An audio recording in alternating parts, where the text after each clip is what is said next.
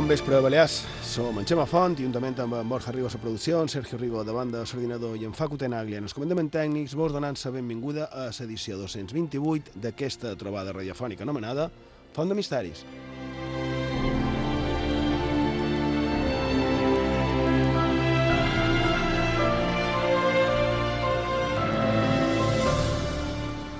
Borja Rigo, bon vespre. Bon vespre. calorosos vespres, a més, um, i ja acabant la sisena temporada de Font de Misteris. que eren un parell de, de programes més. Un parell foraster, eh? Un parell foraster, efectivament. Setmana que ve i... i... I amb un final que se presenta interessant. Sí, crec que seria... No ho sé, Sergio Rigo, bon vespre. Com vespre, Xema? Creus que ja podem començar a dir men, què farem o què tenim previst fer? Jo crec que sí, podem començar a Sí? adelantar els oients. Ho deim? Sí, ho, pots dir, ho pots dir. Sí? Sí, Bé. sí. I de proper dissabte, dia 28 de juliol, tenim previst fer l'acomiadament de la sisena temporada de Font de Misteris. I com hem previst enguany fer-la? I de fer una ruta petita per Palma, per centre, contant quatre d'aquestes historietes que ens agrada contar a nosaltres, aquestes històries, llegendes, eh, conterelles, i la faríem partint a les 8 de l'hora baixa des de la porta del Palau de l'Almudaina, a Palma, i d'allà donaríem una volta per darrere la seu i acabaríem a la plaça de la Reina. A la plaça de la Reina agafaríem l'autobús que l'empresa municipal de transport, CMT, de l'Ajuntament de Palma, mos posarà per poder pujar en l'autobús fins al castell de Baibà. I des d'allà farem el darrer programa de sisena temporada de Font de Misteris.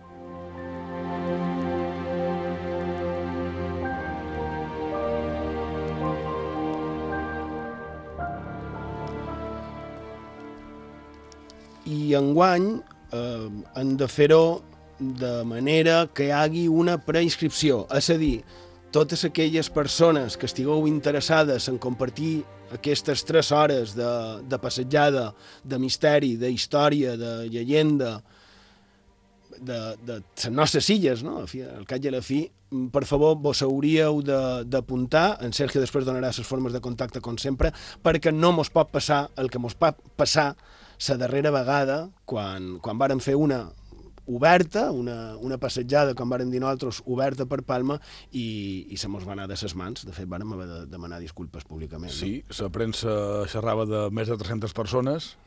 Efectivament. Clar, sí, ja n'hi ha. És, és molta de gent. Matisar que has comentat aquestes 3 hores, no 3 hores de passejada, no seria una ruta de 3 hores, No, sinó 3 hores de valada completa. Ah, és a dir, 3 exactament, hores sumant passejada, transport i programa Sí. en directe des del Castell de Baigó. I la idea és dins el bus també anar comptant cosetes, perquè l'autobús és molt més que un mitjà de transport. Se pot també gaudir de, del que tenim eh, a la ruta, no? I, i fer-ho també, per què no, dins l'autobús. Per això serà dia 28 de, de juliol. Avui volíem eh, parlar d'una altra cosa.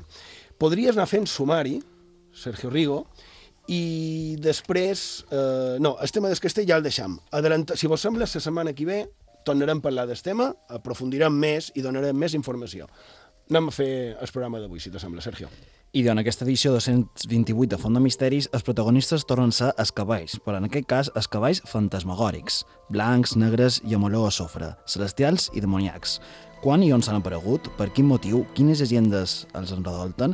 A més a més, també repassaran l'actualitat de la setmana a Bon Diversos i llegirem i escoltarem els missatges dels oients a de xarxes socials. Si us voleu fer arribar els vostres missatges, ja ho sabeu, ho podeu fer de diferents formes, a través de Facebook i Twitter cercant Font de Misteris i emprant l'etiqueta Font de Misteris i V3.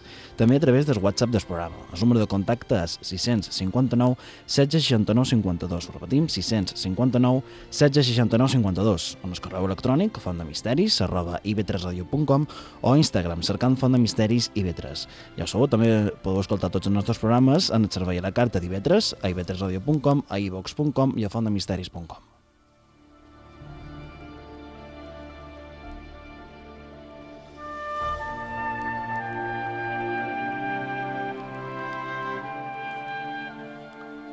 Aquestes formes de contacte també serveixen per apuntar-se. També dir que jo crec que dilluns ho publicarem, Sergio, ho publicaràs, publicarem a les xarxes les socials, xarxes. també un formulari i bé, estia tot explicat en un esdeveniment que farem també. però també a través del número de WhatsApp i del correu electrònic i mitjans privats de Facebook també se poden apuntar. Exacte, si qualcú se vol començar a apuntar, pot fer enviant el seu nom complet i el DNI. Val, perfecte. Mm, nosaltres tenim una secció que sempre ens votam, sempre tenim la mateixa gràcia amb el tema de que ens votam la secció, que és la que nosaltres anomenem molt diversos. Bé, en aquesta secció espipallem les notícies que hi ha relacionades amb el contingut del programa. I les compartim entre nosaltres. I què has trobat aquest dia, Sergio Rigo? I de fa un parell de dies, en el diari ABC, llegíem aquesta notícia. Un dron graba el fantasma d'un jinete cabalgando en el patio de un castillo del siglo XI. Un dron capturó el momento en el que lo, en lo que parece el fantasma de un jinete que cruzaba el patio de un castillo británico de Berkeley, un momento del siglo XI, según recoge el diario Daily Mail. Thomas Arnold, de 41 años, quedó impresionado al comprobar que su dron había grabado una aparición galopando a lomos de un caballo. Lo había hecho durante los 10 segundos en el que perdió de su, de su vista. Al no saber dónde estaba el, aparato, el dueño lo dirigió de nuevo a la tierra, a su casa, para recogerlo. No se percató de las inquietantes imágenes que había grabado hasta que no llegó a casa y lo comprobó. És a dir, que un senyor estava gravant amb un dron en, a un castell de, del Reino Unit. Durant a 10 segons el perd de vista i justament se graven les imatges de, de que és... I, i, d'un fantasma, Sí. d'un genet amb un cavall, no? És així. Val, fantàstic. I lo curiós no és que decidíssim fer un programa damunt aquest tema després de veure la notícia, sinó que la notícia va succeir més o menys en el mateix temps que estem preparant el programa. Això és lo curiós. Efectivament, curiós, perquè la setmana passada, efectivament, vàrem fer un programa de, parlant de, de cavalls i ens varen quedar moltíssimes coses per dir, no?, damunt d'aquest tema. El cavall. El cavall com a eix central de la nostra recerca de llegendes, d'històries i de misteris. No? I, I bé, i volíem, entre d'altres, citar més exemples de, de les famoses gestes i, i petjades de, de, del rei en Jaume, del cavall del rei en Jaume. Varen parlar d'ell, el rei com a heroi, amb un cavall poderós, intel·ligent, i que més, tots dos, junts, el cavall i el rei en Jaume, eren invencibles, fins i tot més enllà de la mort.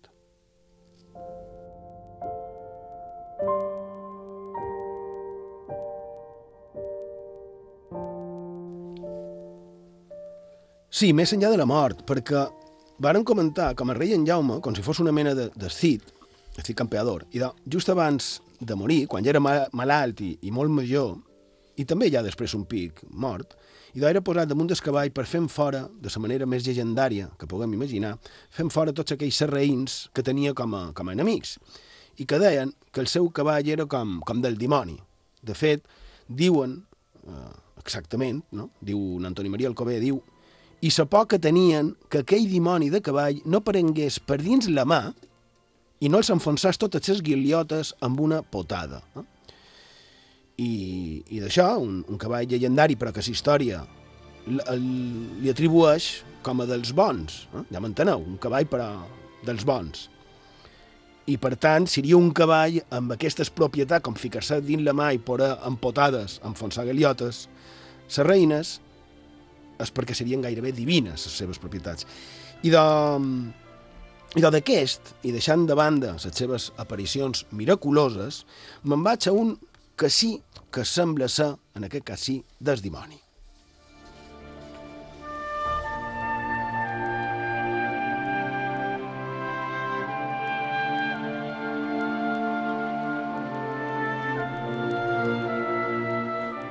A la publicació Estudis Baleàrics, en el número 22, hi ha un article signat per en Guillem Colom Casasnoves que va titular Supersticions, llegendes de Mallorca i ciències naturals.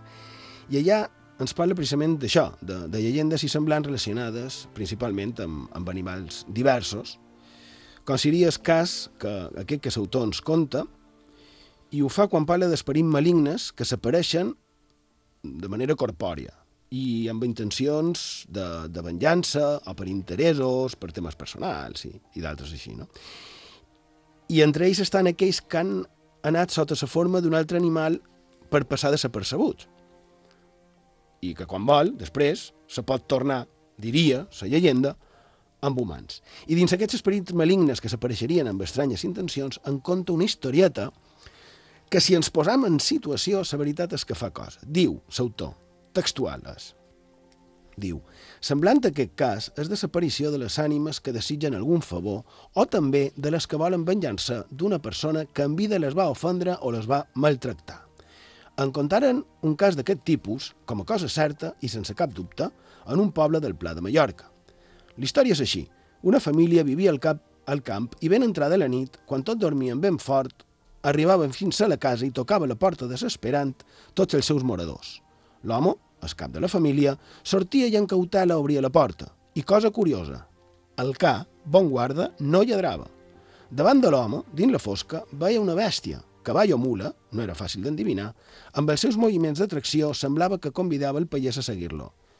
Ell contestava amb un cris malsonats i amb pedres tirades en tota força per ferir-lo o assustar-lo.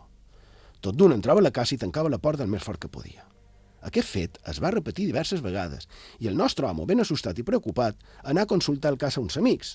Alguns varen decidir passar la nit en la família, però quan això succeïa, la bèstia no apareixia. Aleshores, li aconsellaven que comprés una bona escopeta en cartutxos ben carregat de perdigons i banyats amb aigua beneïda. I si tornàs, que disparàs a matar. Així ho va fer. Tot va estar preparat, fusell i cartutxos. Passaren dies o setmanes, però quan ja no hi pensaven, els cops en la baula de la porta a mitjanit es repetiren ja és aquí! I agafà el fusell, s'armà de valor i va obrir sa porta. Era el mateix animal.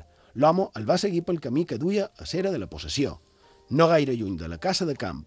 Des d'aquell lloc, l'home no va voler seguir més i s'aturà amb el fusell a punt. Semblava que l'animal volia que el seguís més lluny, però l'home, agafar el fusell, aixecar el gallet, va apuntar bé i disparar.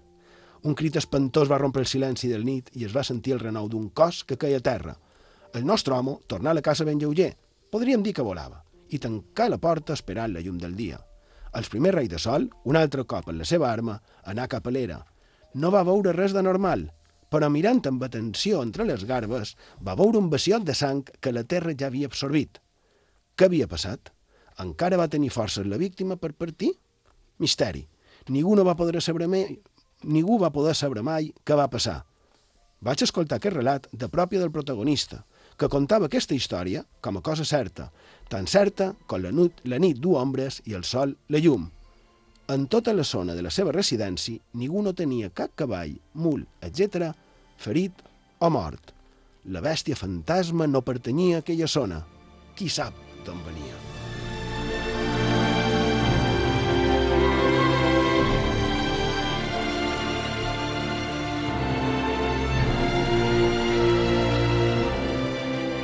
Bé, l'autor, en Guillem Colom Casasnoves, parla, l'ubica en el Pla de Mallorca. Jo queixa directament, jo no el coneixia, la veritat és que no, no sé vosaltres, Borja Sergio. No, i ara tenc, francament, molta curiositat per saber a quin poble fa referència. No, si ho posa, no ho posa. no ho posa, no ho posa. Ho puc mirar tot una altra vegada, menys, Ja- ja si, mala men, menys si surt. Sí, però no, no ho posava. Era tot un article i jo, jo tenc subratllades un parell d'anotacions i ho vaig trobar. Um, jo tampoc no, no la coneixia, com deia, però sí una certa semblança. Més o menys el mateix, un cavall a alta hora de la matinada, un cavall negre, ulls com encesos, amb un, com un brillo com molt estrany, i de cop i volta, de matinada, una casa de camp, es posa a pegar crits i a fer cabrioles. No? I mirava cap a l'única finestra que, que tenia llum. I s'ha de reconèixer que tot, s'ha de dir que els que eren en aquella habitació, just en aquell moment, estaven suggestionats. Però el fet real és que hi havia un cavall gros, que era fosc, amb una, amb una mirada desafiant, i captant l'atenció d'aquells que, malgrat s'hora, encara eren desperts.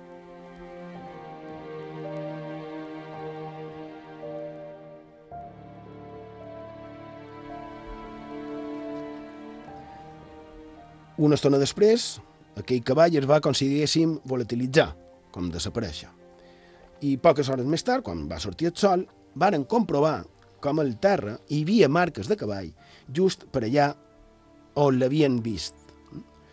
Però un pit demanat a l'amo, el que cuidava la finca, menys si li havia fuit a cego, perquè era un ego, no era un cavall, va respondre que no, que estava ben tancada dins la quadra i que més entre la quadra i aquella mena de clastre no hi anaven mai eh, els cavalls, perquè hi havia una barrera. Per lògica, no podria ser aquella ego. Però sabeu, fins on jo sé, si no era la mateixa, se li semblava molt.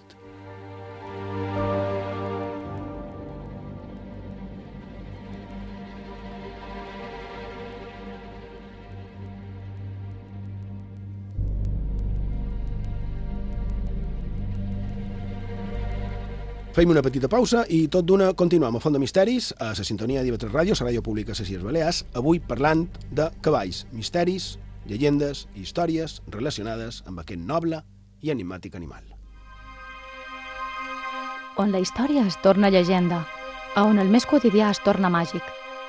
Acompanya'ns a la nostra Font de Misteris a IB3 Ràdio.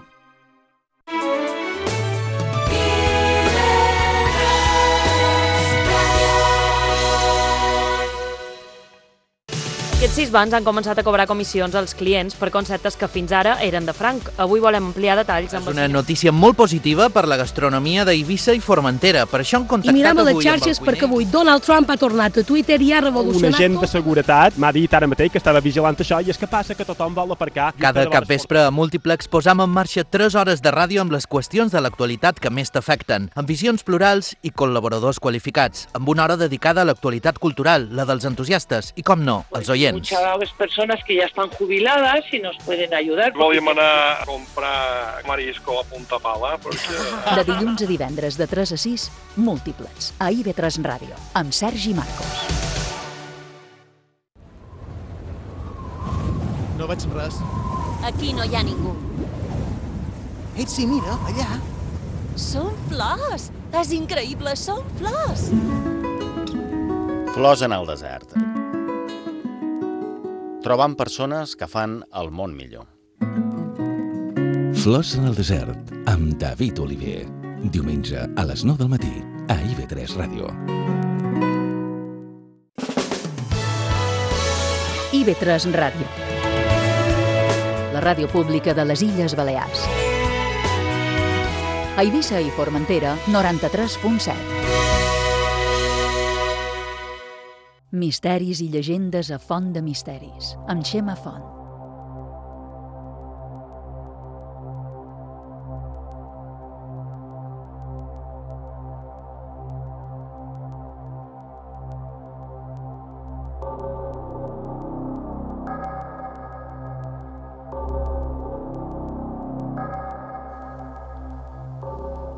Seguim a Font de Misteris, a la sintonia d'IV3 Ràdio, la ràdio pública de Illes Balears. A Menorca mos podeu trobar en el 88.6 de la freqüència modulada.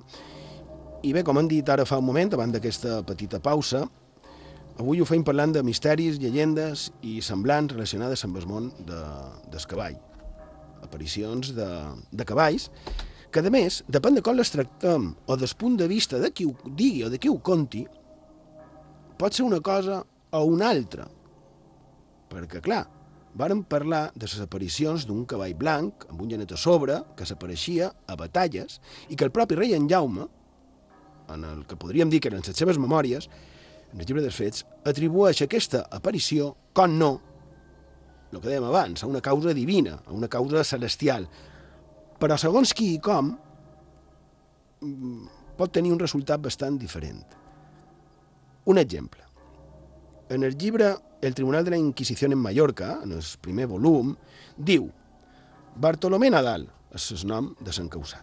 Diu, labrador vecino de la villa de Poyensa de aquel reino de edad de 50 años, de cristiano viejos, fue condenado en que oyese una misa un día de fiesta en forma de penitente en la iglesia parroquial de Santa Eulalia y que abjurase de Levi porque dijo que sabía cómo se hallaba el agua, aunque, uno, aunque no usaba de ello todas veces, por haber de dar el alma al demonio por espacio de 24 horas, y que le aparecía en un caballo blanco y un hombre delante con una espada desenvainada y le señalaba dónde estaba el agua y que lo había hecho dos veces.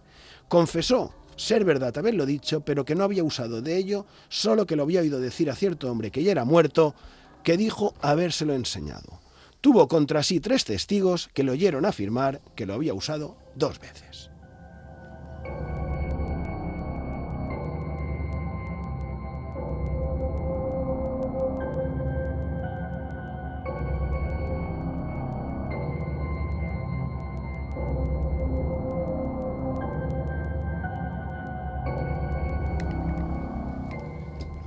Sí, és a dir, si un deia que el cavaller s'apareix a un cap de batalla, tallant caps i desmembrant cossos en pla gore, i perdoneu però és així, i es deia que era un enviat de Déu per tal de protegir en aquest cas la cristiandat. Però, si era un pallès, perquè així ho defineix, diu, eh, no sé on estava, pallès de Pollença, crec que posava, que deia que uns éssers semblants en els mateixos dels altres se li apareixen, curiosa també la constant del cavall blanc, i en aquest cas intervenció i humiliació per part de la Inquisició.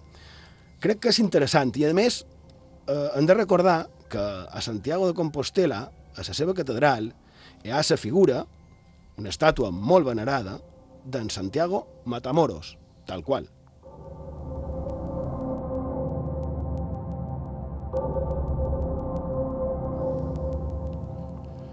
Per cert, aquesta imatge que contaves ara d'un ésser amb una espasa assenyalant, és a dir, és molt de pel·lícula. És molt de pel·lícula i que a més es repeteix, es repeteix molt. És, és fantàstica. Molt, tampoc és que ha. repeteixi cada dia, però, però sí, n'hi ha recollides moltes. I, I és molt curiós, però no és que només sigui a les nostres illes, ni tan sols a terres peninsulars, sinó que també, crec, podem afirmar que és una constant arreu del món, Borja. Sí, si fem un pot de voltes per aquest món ple de misteris on vivim, i doncs, si voleu, ara podem fer una petita aturada, per exemple, a Venezuela. Allà se conta una història que vaig trobar en el llibre Diccionario de fantasmas, misterios y leyendas de Venezuela de la Mercedes Franco. Comença dient això. Por los áridos campos venezolanos cabalga una leyenda. Es el caballero de Caigua, un adolescente vestido con humildes ropas campesinas. Monta, y tornamos a un esplendoroso caballo blanco de crines que refulgen con el sol de la tarde. El rostro de este jinete cautiva por su pureza a cuantos logran verlo. Su cabeza, su cabeza perdón, aparece nimbada por un tenue resplandor de oro.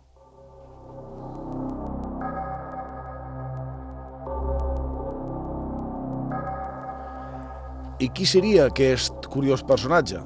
I de, la llegenda mos diu que aquest cavaller va combatre amb els habitants de Caigua durant els combats de la Guerra de la Independència entre 1810 i 1813 i després, entre 1859 i 1863, a la Guerra Federal.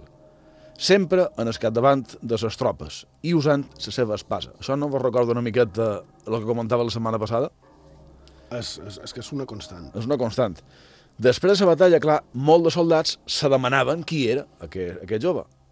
Creien que tant ell com el seu cavall devien ser entitats sobrenaturals, ja que havien sentit a dir que havien comparegut moltes vegades temps enrere. Que és el mateix que deia el rei en Jaume. Efectivament, en el seu propi predí també li havia passat cosa semblant. Sí. A més, aquest misteriós soldat estava durant el dia amb els seus companys, però cada vespre descompareixia sense que ningú sabés on anava. Així, fins que una d'aquestes nits, un dels soldats va fer de seguir-lo per descobrir el misteri. El va seguir fins que va entrar dins una iglesia i el soldat, darrere darrere, també va entrar. I de cop, on d'imaginar l'escena, una veu li arriba des de saltar. Diu, jo som molt jove i mo mare se preocupa si surt es vespre. El soldat va veure com aquell jove, quasi un nin, ocupava el seu joc de vora sa mare, la Verge Maria. Tot d'una se va escampar la notícia de que aquell ésser fantasmagòric i estrany que colcava una bèstia també fantasmagòrica era ni més ni manco que el bon Jesús, que se venera des de fa segles dins aquella iglesia de Caigua. I diuen que encara, això és curiós, de tant en tant, compareix colcant per les muntanyes si de veres se'l necessita.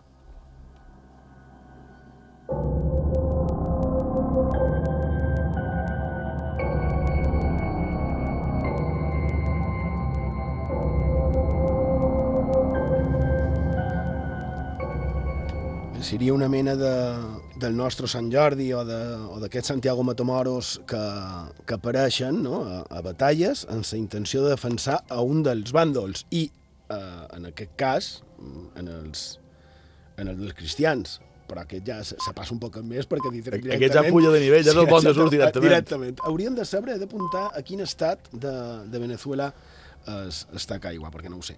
I, i, I la veritat és que tampoc coneixia aquesta història.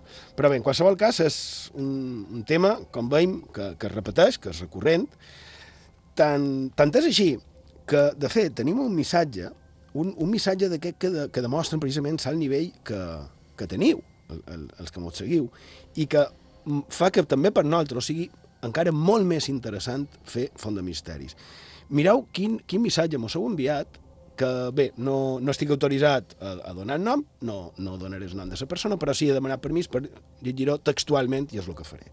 Diu, referit al programa de la setmana passada. Molt sanguinari el programa tant de moros decapitats i morts.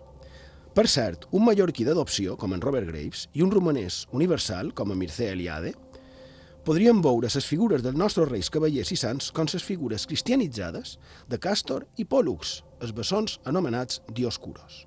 Són les primeres representacions de cavallers fantàstics. Aquests varen ajudar els romans a vèncer els etruscs i els llatins. Mentre s'un mataven etruscs, els nostres Sant Jordi i Sant Jaume decapitaven moros. I afegeix, per cert, a Roma, això aquí me va cautivar. Per cert, a Roma, en el foro, encara queden les ruïnes del temple de Càstor i Pòlux, que va ser construït per ordre de Lucio Cecilio Metelo el Dalmàtic, cosí germà d'en Quinto Cecilio Metelo el Balear.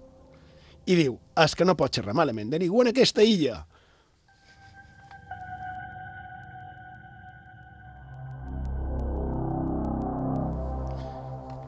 Ho trob fantàstic, o sigui, genial. I a més, eh, bé, en, en Robert Grace, que varen parlar d'ell fa dues setmanes, justament, per tema també de, de mitologia. Bé, tot això venia per la cosa queixa de cavalls que apareixen, veiem amb, amb aquest missatge que, que mos heu enviat, que, que des d'immemorial tens, no? I, i també des de la més antiga mitologia i que també per tot arreu. Estàvem amb un parell d'exemples. Si vols, Borja, eh, cap de parlar del temple de Castor i Pòlux a Roma, i de, directament... I de sí, un altre ben curioso que mos torna a dur cap a Roma. Una ciutat que ja deien a no Paloma Gómez Borrero està ben plena de, de fantasmes, està ben farcida. Anant concretament a les afores de la ciutat, a un edifici avui reconvertit en hotel, a prop de la reserva natural de que se va construir entre els segles X i XIII i que va ser es, el castell de Castellucia. Com dic, eh, avui se pot dormir a les seves habitacions, però la tradició mos diu que el visitant se pot veure sorprès per les presències fantasmals, diguéssim, ben estranyes. La llegenda comença quan un dels propietaris del castell, de nom Rimbambito, que traduït seria cosa així com que aquell que ha perdut el seny, gran aficionat en els jocs i a fer apostes en gran quantitat de dobbers, se va començar a arruïnar. Per sortir-ne, en Rimambito va haver de vendre les possessions més estimades de totes les que tenia, els seus cavalls, que havia criat i cuidat de manera meravellosa des que havien nascut. Els va vendre i els animals varen ser transportats a altres països. Què va passar? Que aquells pobres animals, fora del seu ambient, van anar morint-se un per un. Ell, que havia estat el seu amo, en saber la notícia, va entrar en un greu estat de pena i de, i de depressió. Imagineu l'estat en què va caure, que va començar a dir que els vespres sentia en els seus cavalls córrer pels voltants del castell. Els sentia, però no els podia veure. Així com passava el temps i aquesta situació continuava, els servents del castell varen començar a pensar que el seu amo havia perdut el cap. I per ventura d'aquí surt lo, de, lo del nom. Lo de Rimbambito. Sí. Curiosament, però, va arribar un moment en el que els veïnats i també els mateixos servents varen començar a canviar de parar. També varen començar a assegurar que els vespres podien sentir amb molta claredat els renous d'aquells animals morts temps enrere. Segons pareix, cada vespre, els cavalls tornaven de l'altre món per cercar refugi a la que havia estat que seva.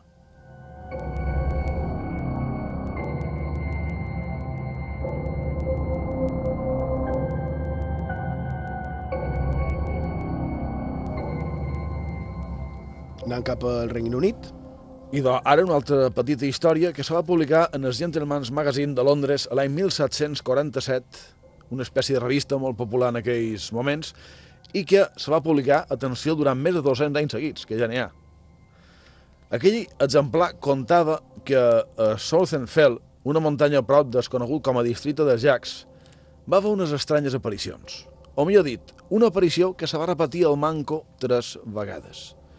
La primera va ser, segons pareix, en 1735, quan un treballador de la família Lancaster, propietari en aquells moments d'aquelles terres, va dir que havia vist una espècie de comitiva de soldats en formació passant per aquell penyal que té a prop de 20 metres d'alçada. Uns soldats, clar, que no va poder reconèixer ni entendre què feien per allà. En qualsevol cas, malgrat lo estrany d'aquella visió, el treballador no li va donar més importància.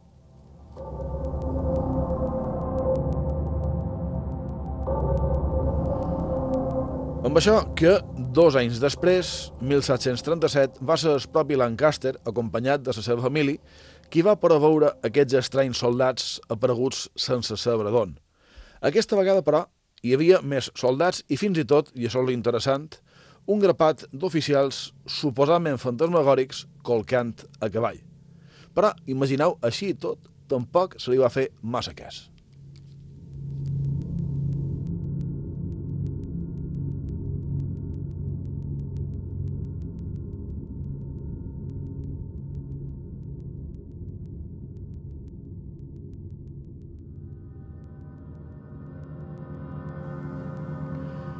I, finalment, eh, vuit anys després, 1745, sobrebaixa des dia del solstici d'estiu, és a dir, entre el 21 i el 24 de juny, se va poder veure aquella misteriosa formació militar de soldats a peu, a cavall i fins i tot de carruatges desfilant per la cresta d'aquell cim durant unes quantes hores. Aquesta vegada va 26 testimonis d'aquest fet, que ja n'hi ha. No és una visió d'un tot sol que passeges, no, 26 persones que van referir aquest cas. Són moltes. A més, varen fer una declaració jurada, que mentre, això és curiós, mentre havien vist tot allò, no havien begut res de res. Així està documentat. També en moltes èpoques. Sí, també. Fins i tot, en aquell moment, compareixen altres persones dient que dos anys abans havien vist també cosa semblant. Però com podria ser? Tots aquells testimonis varen determinar que el terreny per on havien passat soldats i cavalls i carruatges era completament inviable. I van partir cap allà cercant qualque rastre, qualque petjada. Però res de res, ni una sola. Va haver fins i tot una investigació oficial i la cosa va acabar, com tantes vegades, amb una explicació per mi massa comú i massa pelegrina en aquest tipus d'històries. Eh, i, I comú no perquè sigui encertada, sinó perquè és habitual, diguéssim, no, per sortir-ne aviat i, i tancar el tema. Se va dir que era simplement un miratge, una il·lusió. Un miratge d'unes maniobres militars reals que se feien a les costes d'Escòcia 48 quilòmetres més on fora. Curiós, no? Molt curiós, que aquell miratge encaixés perfectament en l'orografia de la muntanya on van aparèixer els, els soldats, no trobeu?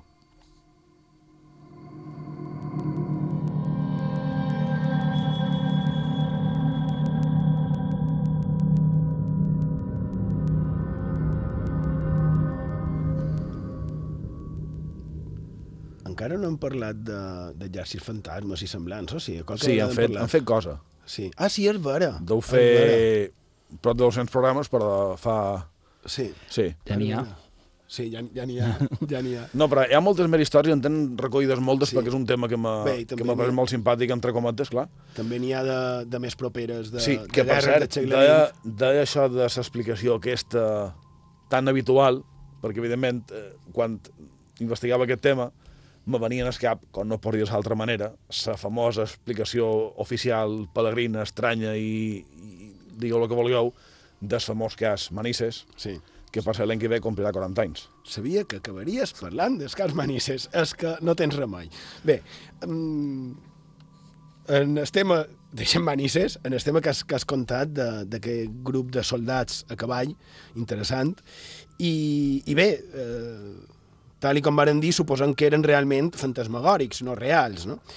I de, sempre està el tema aquest d'haver haver d'obligar, i permeteu-me, no sé, no sé si dir sa gràcia, però obligant els cavalls a haver de sortir com a fantasma, que quina culpa tenen els cavalls, no? És, per exemple, eh, el cas aquest d'un altre cavall que sortiria de tant en tant d'un edifici de ses illes donaria tota la volta a Mallorca i tornaria a entrar a l'edifici amb el seu genet. Mm? Un genet que la tradició diria que seria, com no, el llegendari rei en Jaume, que sortiria de la seu de Mallorca, eh, que des de la foscor sortiria per una de les parets i al cap d'una de, estona, després d'haver donat la volta a Silla, tornaria a entrar i, i tornaria no, de l'altre món per fer aquesta passejada per comprovar que les terres de seu reina estan tot en ordre. No? Encara que et suposa, ha dit el rei en Jaume, però encara se suposa, que seria en Jaume II, que és el que verdaderament està enterrat a Mallorca, a la seu de Mallorca. Un altre cavall, fantasmal, que està obligat a sortir pel seu genet i que, en teoria, es mouria també com una ombra per als voltants, en aquest cas, de la seu de Mallorca.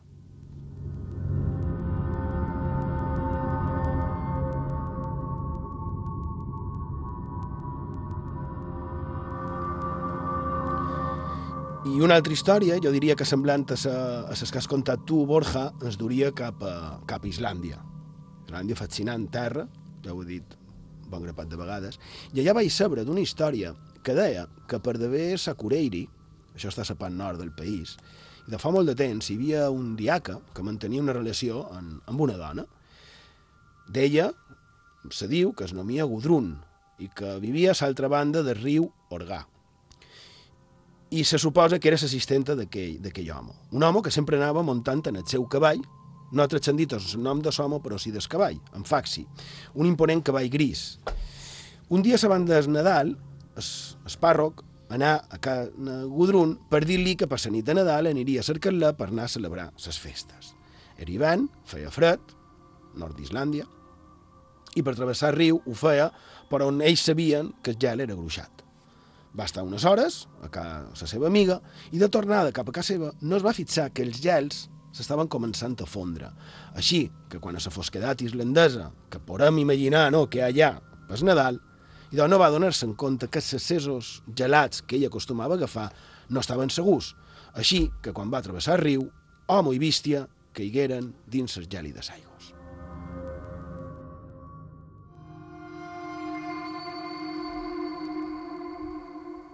El dia següent, quan encara faltava una setmana per Nadal, aquell home va ser enterrat.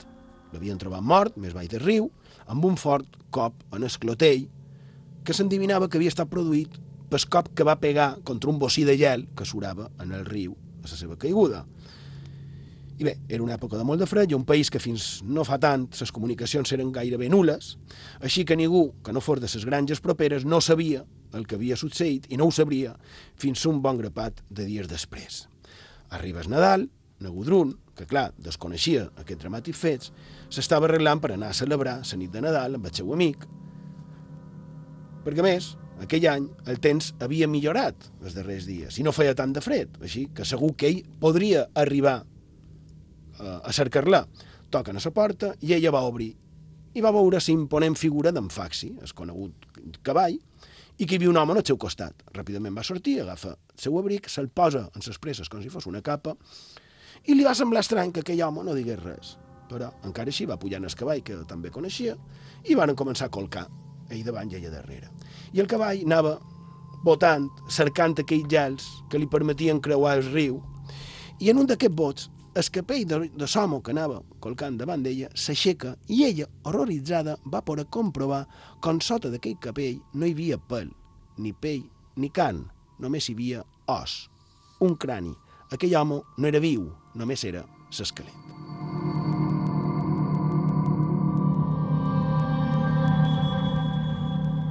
El cavall no aturà fins a arribar a la porta del petit cementeri que, com a cada petita població islandesa, tenien allà a prop. No? Baixen tots del cavall i ell li digué a ella les úniques paraules que li digué «Espera aquí, durés que vaig a pastar». I se n'anà. Nagudrin, Nagudrun mirà cap al cementiri i va veure una tumba oberta. A ella, clar, li entrant més calògic que el fred per tot el cos i, i, i va tancar així l'abric que s'havia posat com, a, com una capa i va anar cap a la porta i va començar a fer sonar la campana que hi havia per alertar en els veïnats. En aquell moment un ombra, no va veure bé perquè li venia per darrere, però un, hom, un ombra la va agafar i la va estirar cap a dintre del cementeri. La sort va ser que va dur aquell abric posat com una capa, perquè aquella ombra només pogué dur sense abric i s'anà directe cap a aquella tomba oberta, que un pic, la peça de roba i aquell espectre foren a dintre, es va començar a omplir tota sola de la terra que hi havia en els seus costats. I del cavall mai més s'ha tornat sobre res.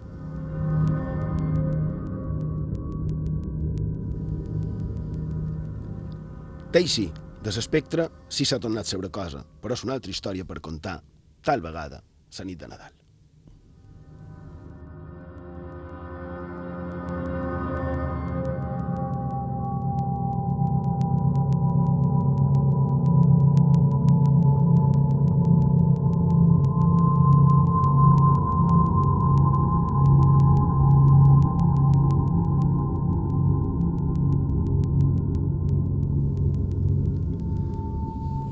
Cavall associat a la mort. El cavall com a testimoni de terror, del més enllà. Fins i tot a la germana terra de l'Alguer, que es deia que a la vigília de certes nits, textual, un sagristà voltava per les cases, trucava. Al peu de la porta tocava una campaneta i demanava una almoina per les ànimes. Se l'homenava el cavall de la mort. Segons diu el senyor Clavellet, que consigna el costum, antigament el qui feia la capta anava a cavall, i d'aquí el qualificatiu que li era aplicat. És possible que constitueixi un record de la creença en el carro o en el cavall de la mort, molt comuna encara a diferents pobles nòrdics que creuen que volta de nit carregat d'esquelets, els quals s'emporten en els qui troben en a llur pas.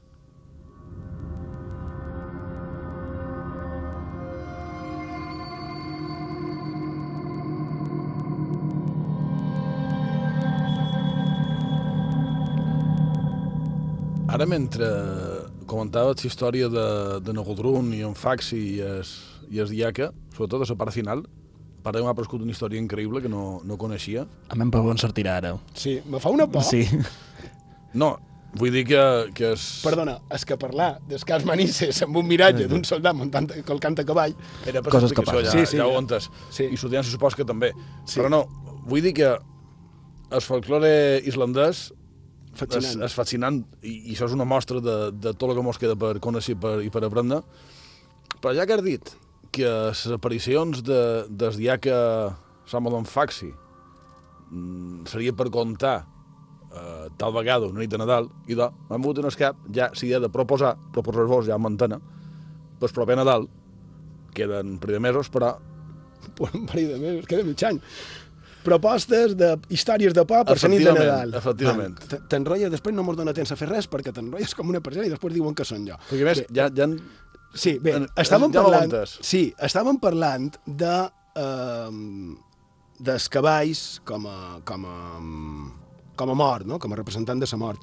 I no és tan estrany, i ja acabam amb el tema, i, bé, i amb el programa, i no és tan estrany que certes cultures mediterrànies el cavall es converteix en el que es coneix com a daemon. En aquest cas, seria el cavall com a personificació, com a fet corpòreo, de la mort, que fins i tot t'acompanya, t'acompanyaria en el postrem viatge, en el darrer viatge, en el viatge en el més enllà.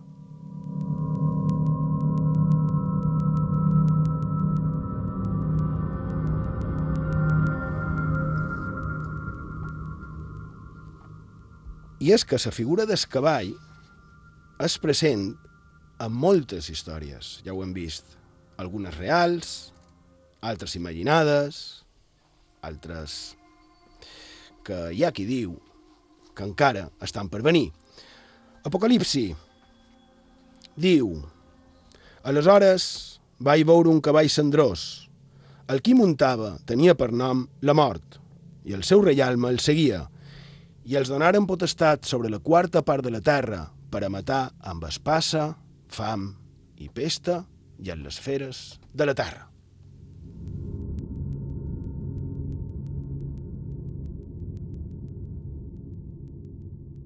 A IB3 Ràdio, Font de Misteris, amb Xema Font.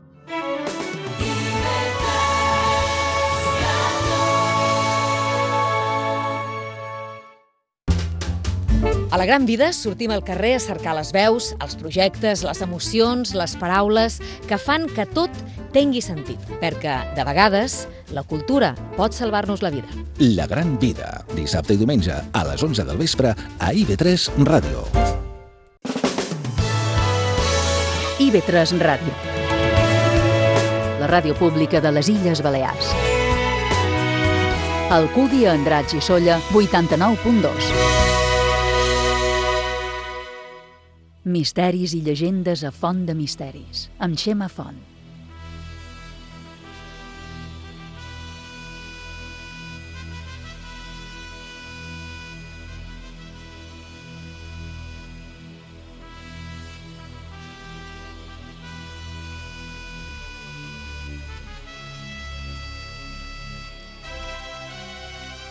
Seguim a Font de Misteris, a la sintonia d'Ivetres Ràdio, estem en els darrers minuts.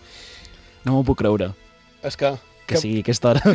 Sí, no? Que, que te dona temps de fer, de fer qualque cosa. I a més, eh, em pregunta pels oients, menys si ho sap qualcú, quina sintonia, és una pregunta molt friqui, quina sintonia està sonant és una sintonia molt vinculada a la ciència-ficció dels anys 80. Bé, i l'escoltam res, un parell de segons, que no ens donarà temps.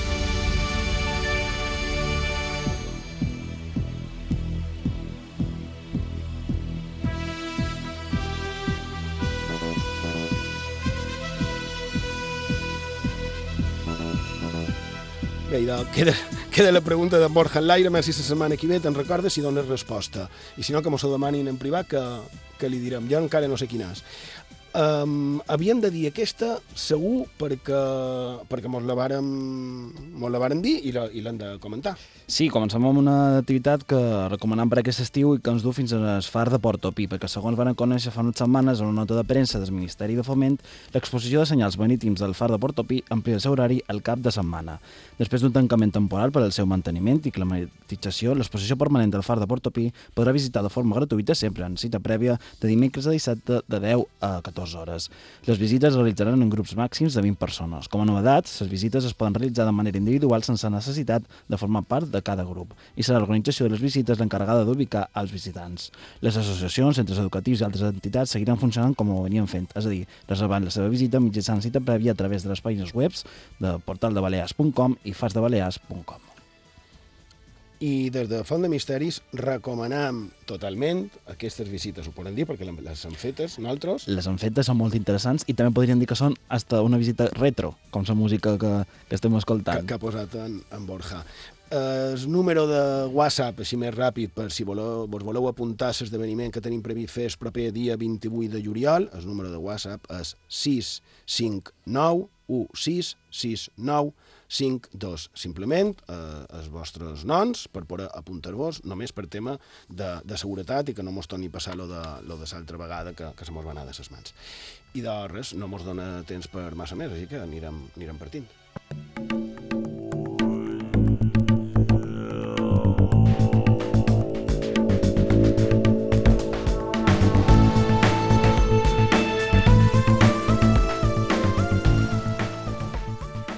hem arribat a la fi del programa d'avui. Esperem que heu passat una estona agradable i que hagueu pogut treure qualque cosa a profit d'aquesta font de misteris.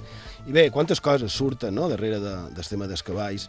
I això que només ens hem fixat en, en algunes llegendàries eh, rondallístiques i, i misterioses. I han quedat moltíssimes per dir i a més no hem entrat a parlar d'allò molt més desconegut però més seriós, com per exemple les teràpies no? que hi ha amb aquests animals, ni tampoc de les seves particularitats com animal domèstic, ni, ni la seva història, ni tantes coses que es podrien dir d'un animal noble, empàtic, molt intel·ligent i tantes vegades, avui dia també, maltractat. Bé, quantes coses, no?, podríem dir en aquestes utopies de gairebé la mitjanit del dissabte i vetres ràdio, damunt del cavall. I de totes les que podria dir, se me ve en el cap una anècdota viscuda fa uns anys. Bé, millor diré dues que demostren la seva intel·ligència i el seu tarannà. Fa un bon grapat d'anys, qualcú molt proper a jo tenia un cavall, sovint anàvem a colcar, una vegada des d'aquí anant allà en Miquel, que encara es deuen recordar del que passava quan l'amo no mirava. El cavall s'anava directament en els sametlers per passar per baix, de manera que si no te volies estampar contra l'arbre, havies de baixar, perquè si t'aturava just davant. Tu te baixaves i ell passava per baix de, de sametler, i si tu no baixaves, acabaves en terra, clar. L'animal devia estar més còmode sense que ningú li emprenyés pujant-se i molt manco el que ell devia considerar desconeguts. Però, malgrat això, ell t'avisava. L'altra anècdota ja va per camins més seriosos. Deu fer tres anys una lota que muntava cavall pegant un bot, el cavall va treballar i la malgrat tenir experiència i estar fortament subjectada, va caure i ho va fer sota les potes delanteres del cavall que encara estava tractant de mantenir-se dret. L'animal, quan va veure aquella nina en terra, com va poder, la va, la va esquivar i fins i tot va fer com uns moviments estranys no? per no trepitjar-la, va fer lo impossible per no trepitjar-la. En el final, la fortuna volgué que només es dugués la nina una repinyada en el coll, no? un parell de centímetres més a dintre, i no vull pensar què hagués passat. El cavall, quan va veure la nina en terra, se li va atracar i en suavitat li pegava copets amb el cap, com acariciant-la, demostrant molt més delicadesa que molta gent. I això ho deia per associació, perquè el cap se va en el terrible fet que és que no hi ha paraules. Va succeir a la Ràpita, a Mallorca, passat dia de Sant Joan. Ahir va haver una manifestació. Això ho diu la premsa. Una dona amb quatre vegades més alcohol de lo permès, en l'assegurança obligatòria caducada, va atropellar mortalment una nina de 15 anys. La va deixar allà estesa i es va donar a la fuga. Crec que no fa falta dir res més. Simplement, cada vegada me sorprèn més la humanitat d'algunes bèsties, com deia aquell, i la bestialitat d'alguns humans. Descansa en pau, Paula, i confiem en la justícia. Crec que no fa falta dir res més. Ghost Riders in the Sky, amb en Christopher Lee. Allí, Pau, bona nit. Gràcies per la vostra companyia i fins la setmana que ve.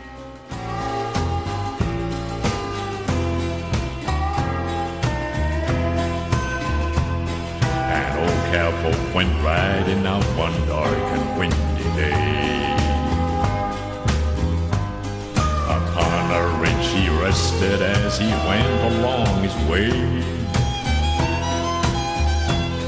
When all at once a mighty herd of red-eyed cows he saw a plowing through the ragged skies and up the cloudy draw.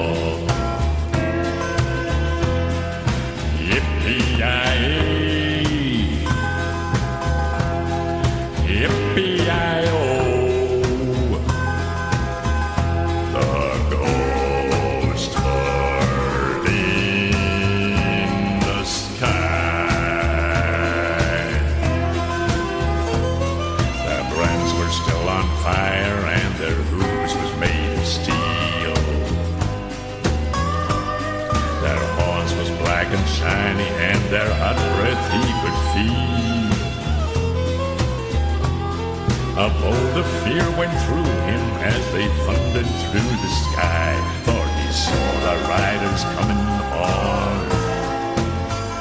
and he heard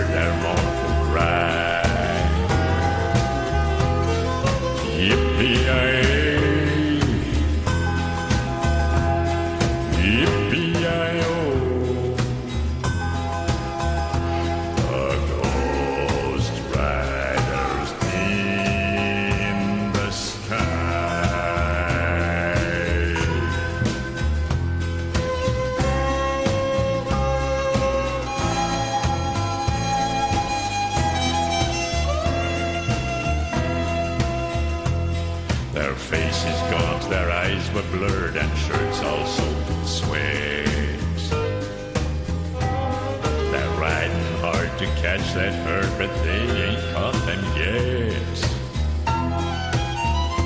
Cause they've got to ride forever on that range up in the sky, on horses snorting fire.